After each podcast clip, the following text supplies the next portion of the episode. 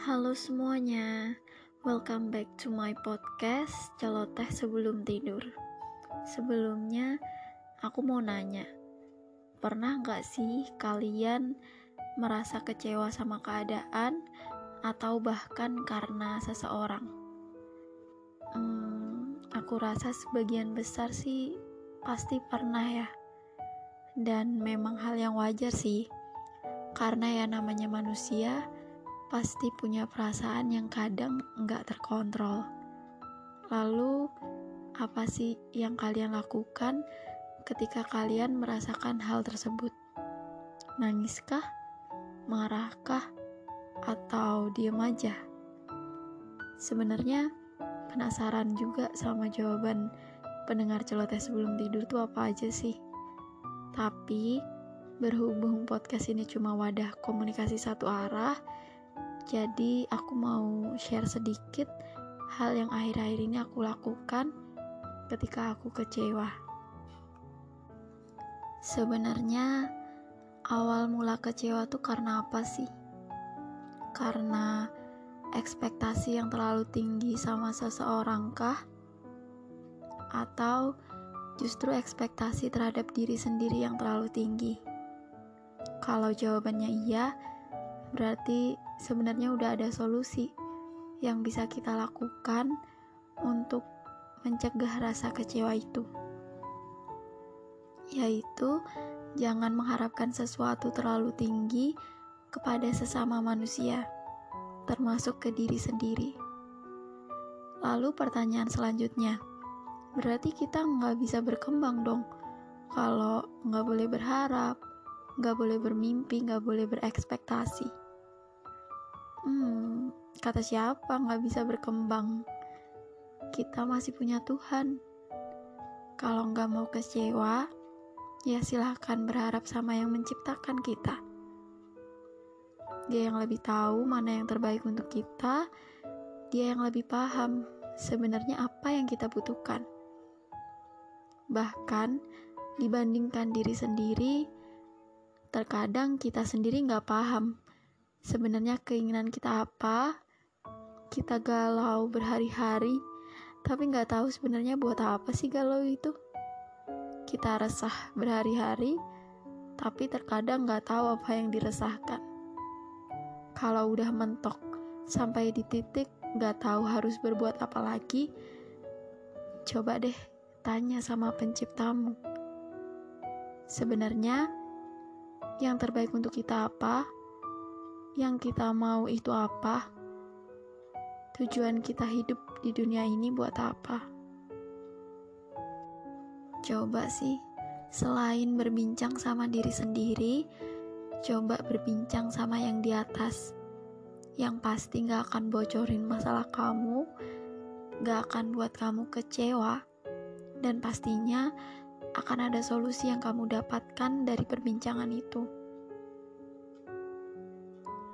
Nah, aku nemu beberapa perbincangan sama sang pencipta yang menarik untuk aku share. Pernah aku melihat sebuah tulisan. Kalau ditanya sekarang lagi berdoa apa, lagi lebih sering berdoa apa, jawabnya pasti akan begini.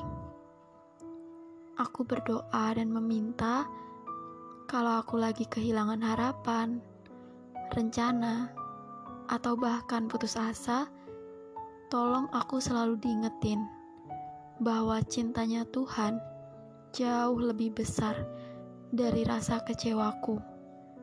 Dan untuk banyak hal yang selama ini selalu disabarin, suatu saat akan ada rencana Tuhan yang jauh lebih baik dari apa yang aku inginkan. Yang seketika itu bisa bikin lupa betapa nggak enaknya kecewa-kecewa yang dulu pernah aku rasakan. Kalimatnya memang cuma segini, singkat, tapi ngaruhnya bisa bikin tenang berhari-hari. Lalu ada lagi tulisan yang kalau ditanya tentang isi doanya apa, jawabnya gini. Ya Tuhan, Tempatkan hati ini di tempat yang paling baik. kuatkan hati ini agar jauh dari rasa kecewa. Ampuni aku yang masih sering berharap pada manusia. Tolong kuatkan hati ini sekali lagi, agar mudah untuk memaafkan mereka yang entah sengaja atau tidak sengaja membuatku marah dan hatiku terluka. Beri ampun kepada mereka yang melukai hatiku, termasuk diriku sendiri yang terkadang tanpa disengaja juga melukai diriku maupun orang lain. Aku ingin menjadi sebaik-baiknya hambamu. Indah bukan kalimatnya?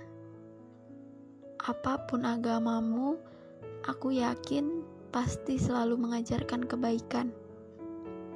Karena aku adalah seorang muslim, aku ingin memberikan sedikit contoh tentang apa yang aku yakini. Ketika misalnya kamu sedang mengharapkan mendapat rezeki, baik itu berupa uang maupun pekerjaan, dengan salah satu ikhtiar yaitu sholat duha.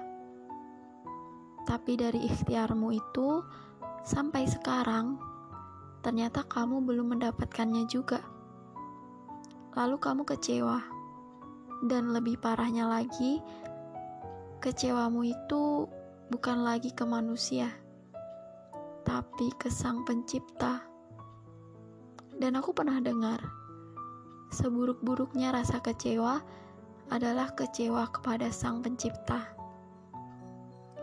Karena kita telah berlaku suuzon kepada Tuhan kita. Perlu kita ingat bahwa dengan kita bisa sholat duha, itu adalah rezeki. Sholatnya itu sendiri udah termasuk rezeki yang Tuhan berikan kepada kita. Kita masih bisa bernafas, beribadah, berdoa, Bukankah itu adalah rezeki yang paling mahal di dunia ini? Terkadang kita suka lupa sama kesehatan. Kalau belum sakit, belum bisa bersyukur bahwa kita sudah diberi nikmat sehat. Tapi saat sakit, salah satu anggota badan aja, kita ngeluh dan baru menyadari bahwa nikmat sehat itu luar biasa Begitu pula ketika kita masih diberikan kesempatan untuk meminta sesuatu kepada Tuhan kita dengan berdoa dan beribadah. Itu merupakan hal yang harus kita syukuri, bukan? Karena kalau sudah tidak ada kesempatan itu lagi, apalagi yang bisa kita lakukan? Terkadang, ketika Allah mau kasih hadiah kepada kita, kita diberi cobaan dulu. Mungkin bisa jadi untuk menggugurkan dosa kita, atau bisa jadi juga buat ngeliat seberapa sabarnya kita ketika menghadapi cobaan itu. Aku selalu ingat sama ayat yang pernah yang kukatakan kepadaku. Innallaha ma'asobirin.